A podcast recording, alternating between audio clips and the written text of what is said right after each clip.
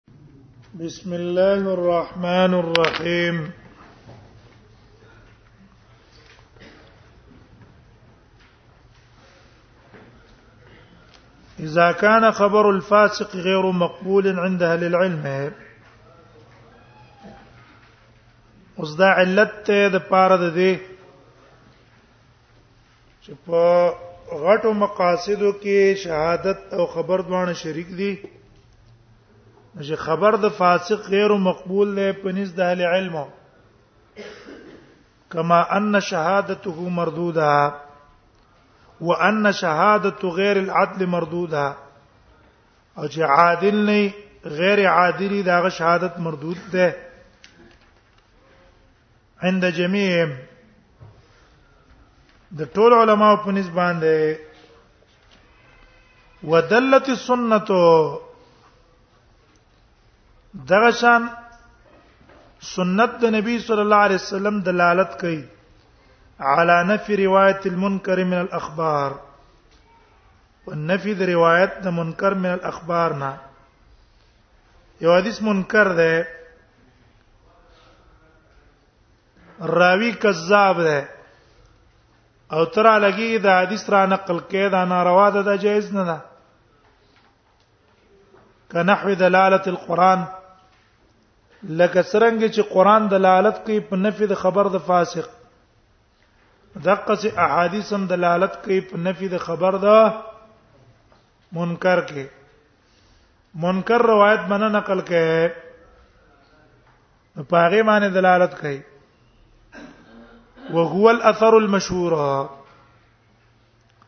او دا غ اثر مشهوره ده اثر مشهوره ګور په اثر کې اختلاف دی د علماو آیا د اثر اطلاق دا په حدیث باندې کیږي که په قول صحابي باندې کیږي نو یو قول مشهور ده د عام محدثینو او امام نووي هغه ته المذهب المختار ویله المذهب المختار چې محدثینو او د اکثر علماو قول دا ده چې اثر دا لفظ عام دی اطلاق کیږي په حدیث باندې چې د نبی صلی الله علیه وسلم نقلی او که د صحابینه نقلی اثر چاته وي هر هغه حدیث چې نقل شوی د نبی صلی الله علیه وسلم نه او که د صحابینه دواړو باندې اطلاق د سر راځي اثر راځي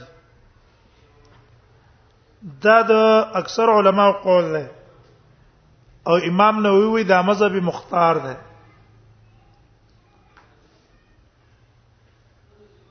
او امام مسلم هم دا مذهب دی چې د اثر اطلاق عام دی د دې اطلاق په حدیث باندې کیږي او د دې اطلاق په قول د صحابي باندې کیږي دیو جنا صحیح حدیث ته په درجه د تواتر کې ده دا غینه تعبیر کو په څه باندې اثر وهو الاثر المشهور دویم قول متأخرینو ده متأخرین علما را لګیږي هغه وینا چې یو حدیث مرفوع نبی صلی الله علیه وسلم ته هغه تبع حدیث ویل کیږي او که یو موقوف په صحابي باندې هغه تبع اثر ویل کیږي اثر اثر چاته وي قول د صحابي ته او حدیث ویل کیږي چاته قول د نبی صلی الله علیه وسلم ته نو هغه اثر موقوف ته وای او مرفوع ته حدیث وای امام مسلم دا اول قبيله علما او قول ترجیح ورکړه نو ځکه د دې حدیث ته تعبیر په چا باندې وکړو الاثر کو وهو الاثر واذا اثر ذ المشهور چې کوم مشهور ده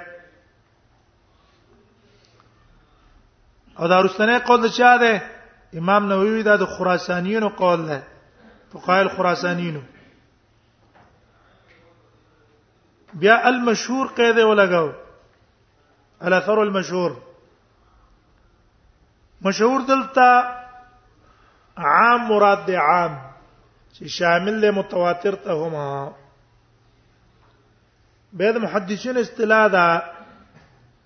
یو حدیث غریب ده بل عزیز ده بل مستفیض او مشهور ده بل متواتر ده غریب هغه ته ویل کیږي چې د دې راوی او د صحابي په منځ کې او د نبی صلی الله علیه وسلم په منځ کې په یو سند په یو درجه د روات کې یو تن صرف نقل کړي نو هغه صحابي ځان نقل کړي او کدی اخر کې لاندې دي محدث چې کوم استاد دی هغه صرف تفرد په کړي او که په منځ کې بچا تفرد کړي دي ته څه ویل کیږي غریب دی په غریب کې خپل اقسام دي او که په یو حدیث باندې تفرد په یو درجه کې دوه راویانو کړو دوه په تپرد کړو هغه ته به عزیز ویل کی دونه کم کسانو نه کم اس کم هر درجه کې یا په ټوله کې په یو درجه کې صرف دوه کسانو په تپرد کړی نو دې ته ویل کیږي چې دې ته ویل کیږي عزیز او دریم نمبر مشهور او مستفیض ده یو جمهور علما اصطلاح ده جمهور علما اصطلاح ده ده چې د دوه نه زیاتی او د متواتر چې درې یا د دریو نه زیاتی د دې ته مشهوره موي مستفیزه متوي او فرق دا ده فرق چې مشهور هغه ته وایي چې بس شهرت ته ملاو شوی اگر که عزیز ولې نه مشهوري په اعتبار د معنا معنی مشهوره ده اگر که سند په اعتبار باندې غریب ده او اگر که د سند په اعتبار عزیز ده او یا مستفیض ده د فرق ده په مابین د مشهور او مستفیض کې د جمهور په منځ کې او یو د احناف اصطلاح ده احناف دي ته وایي چې مشهور هغه ته وایي چې د دریو نه بري او حتی متواتر نه کمی مستفیض نه بري د متواتر نه کته دا درجه د چا ده دا درجه د مشهور ده دلته مونږ ویل الاثر المشهور اثر مشهور نه کوم اثر مراد ده عام شامل له متواتر ته هم زګه دا متواتر مشهور ده المشهور چې نبی صلی الله علیه وسلم فرمایلی دی ان رسول الله صلی الله علیه وسلم د نبی صلی الله علیه وسلم نه حدیث ته من حدث عني بحديث او چا چې زمانه بیان کوي او حدیث یو حدیث زمانه بیان کو یرا او یرا د احتمالي په دې کې یرا نو یرا چې کله معلوم کې په معنا د اعتقاد دی یرا دا عقیده دا وا او یرا یا صيغه د مجهول دا خو معنی د معلوم دا صيغه به څه مجهول معنا د معلوم یرا په معنا د ګمان یرا ګمان ده ده یظن یعلم د ګمان ده یا په دې پویږي نو صيغه د مجهول شو معنی د معلوم ده یرا یا یرا د عقیده وا یا د علم او ګمان په دې خبره باندې چیرې دا حدیث خو پر رسول الله دروغ جوړ شوی دی انه کذب چې دا خو دروغ دی په نبی صلی الله علیه وسلم او بهم نقل کوي فهو احد الكاذبین عام رسخو کې کاذبین صيغه د جمع ده صيغه د څه ده اکثر روایتونه کې صيغه د جمع ده الکاذبین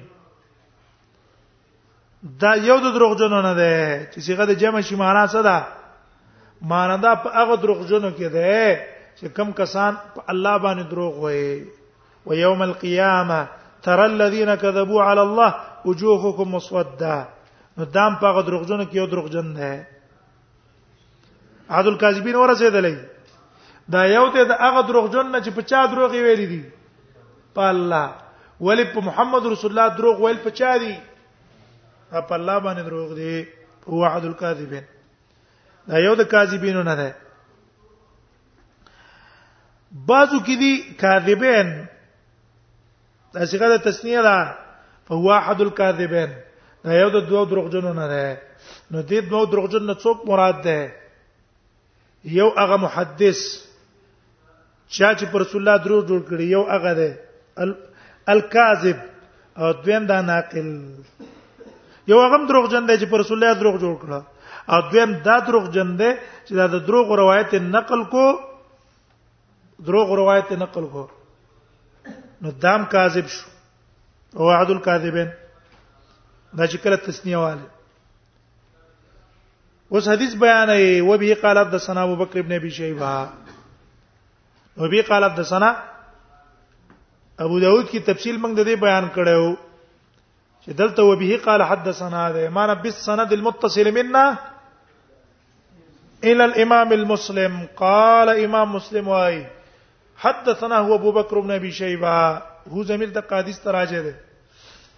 حدیث مونږ ته ابوبکر ابن ابي شيبه بیان کړه قال حدثنا وكيع عن شعبه عن الحكم بن عبد الرحمن بن ابي ليلى عن صبر بن جندب حادث حادث تحويل وي ابو داود کې مونږه وضاحت ده کړه وحدثنا ابو بكر بن ابي شيبه ايضا قال حدثنا وكيع عن شعبه وسفيان عن حبيب عن ميمون ابن ابي شبيب عن المغيرة بن شعبة دا سند سداسي دی د مصنف او د نبی صلی الله علیه وسلم باندې څو واسطې دي شپږ صرف دا میمون چې کوم دی دا د بخاری راوی نه ده دا صرف د امام مسلم بخاری ده دا د امام مسلم راوی ده عن المغيرة بن شعبة او امام مسلم صرف د میمون ابن ابي شيبه نه دا روایت دلته نقل کړي نورې کتاب کې دنا نقل نه ده کړي صرف دلته ته روایت نقل کړي عن المغيرة بن شعبة د مغيرة بن شعبة نه د مغيرة بن شعبة احوالم من په ابو داود کې بیان کړي قال قال رسول الله صلی الله علیه وسلم دا دوانه وی چې رسول الله صلی الله علیه وسلم دا فرمایلی دی ورته حدیث ته معلوم شو د دې حدیث ته مسله معلومه شو لا ما استفاد من الحدیث حدیث نا مسله معلومه شو لا اوله مسله ته معلومه شو چې امام ترمذی په کوم باب کې خیر ده وجوب الروایت عن الثقات وترك الكذابين هم مسله ته معلومه شو کنه چې روایت په چاره نقل کې دا به د ثقاتونو نقل کې او د کذابین نه روایت نقل کول څه دي دا جایز نه دي ترک روایت عن الكذابین کذابین نه روایت نقل کول جایز نه دی دا, دا مسله معلومه شو حرمت روایت المنکر من الاخبار چې کم منکر روایتونه دي ضعیف روایتونه دي موضوعي روایتونه دي دا غي نقل کول حرام دي دویم ته معلوم شو تغلیظ الكذب على رسول الله صلی الله علیه وسلم عام دروغ ویل حرام دي همدارنګ دروغ ته تعرض کول نقل د دروغ کول دا هم حرام دي او بیا خاص کر چې پر رسول الله صلی الله علیه وسلم باندې دروغ جوړ کې دا خو به ډیر لوی جرم دی دا ته معلوم شو وبه قال حدثنا دلته بل باب دی باب تقلید الكذب علی رسول الله صلی الله علیه وسلم مخکې مونږ ویل چې دا تراجم د ابواب شارحین کوي او امام مسلم تراجم د ابواب نه دی ښه ولیکن احادیث د ترجمه مطابق راوړي دي نو باب د باب تغلیظ الكذب علی رسول الله صلی الله علیه وسلم او دا ذکر کوي چې ګوره رسول الله صلی الله علیه وسلم باندې دروغ ویل دا ډېر سخت جرم دی او د مخکې سره مناسبت دا ده چې ګوره ته چې دا منکر روایت نقل کې دا د کومې قبيله نه ده دا من وجه د قبيله د کذب علی رسول الله نه ده دا ته من وجه پر رسول الله دروغ جوړه او دا ډېر سخت جرم دی ځان ته ساتل پکار دی حدیث راوړي وبي قال سنا ابو بكر بن ابي شيبه قال حدثنا غندر عن شعبه حا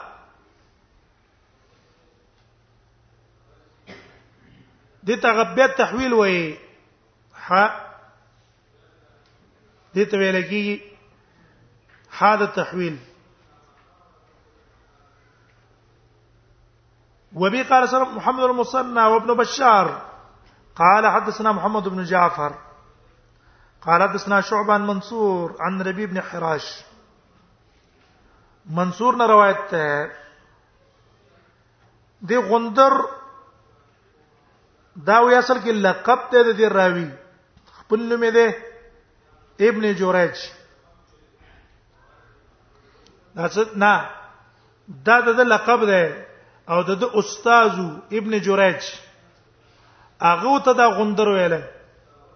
او است په دې باندې لقب په دې لقب باندې مشهور شو خپل لم د محمد ابن جعفر الهذلی ده د غندر خپل نوم محمد ابن جعفر الهذلی ده ابو عبد الله او غندر سبب داو سبب د ابن ابن جریج چې کله بصره ته راغی نو اکثر طالبان د تراجم شو نو دا ابن جریج را شروع شو او د حسن بصری روایتونه نقل کول شروع شو حسن بصری موږ ته حدیث بیان کړه نو په دې کې د حسن بصري یو حدیث بیان کو عام خلکو په انکار وکړو چې دا ته څه وې انکار په وکړو نو چې کله انکار وکړو نو په دقه ورځ کې ډیر اولګېدلو دی غندر په دا ورځ باندې شور ډیر شروع کو ډیر شور شروع کو دا څنګه چل دی دا څنګه چل دی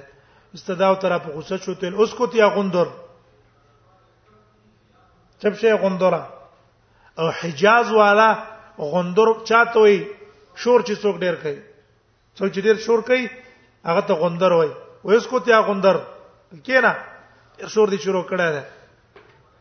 نو چې کله دا ویل بس است د دینه په غندور باندې مشهور شو په غندور دا ډېر نیک سړی و دبا وی یو ورځ روجینی ولا یو ورځ به ماته ولا ازل قاعده کې وفات شوی دی په دې کې یو بل راوی دی ربعی ابن حراش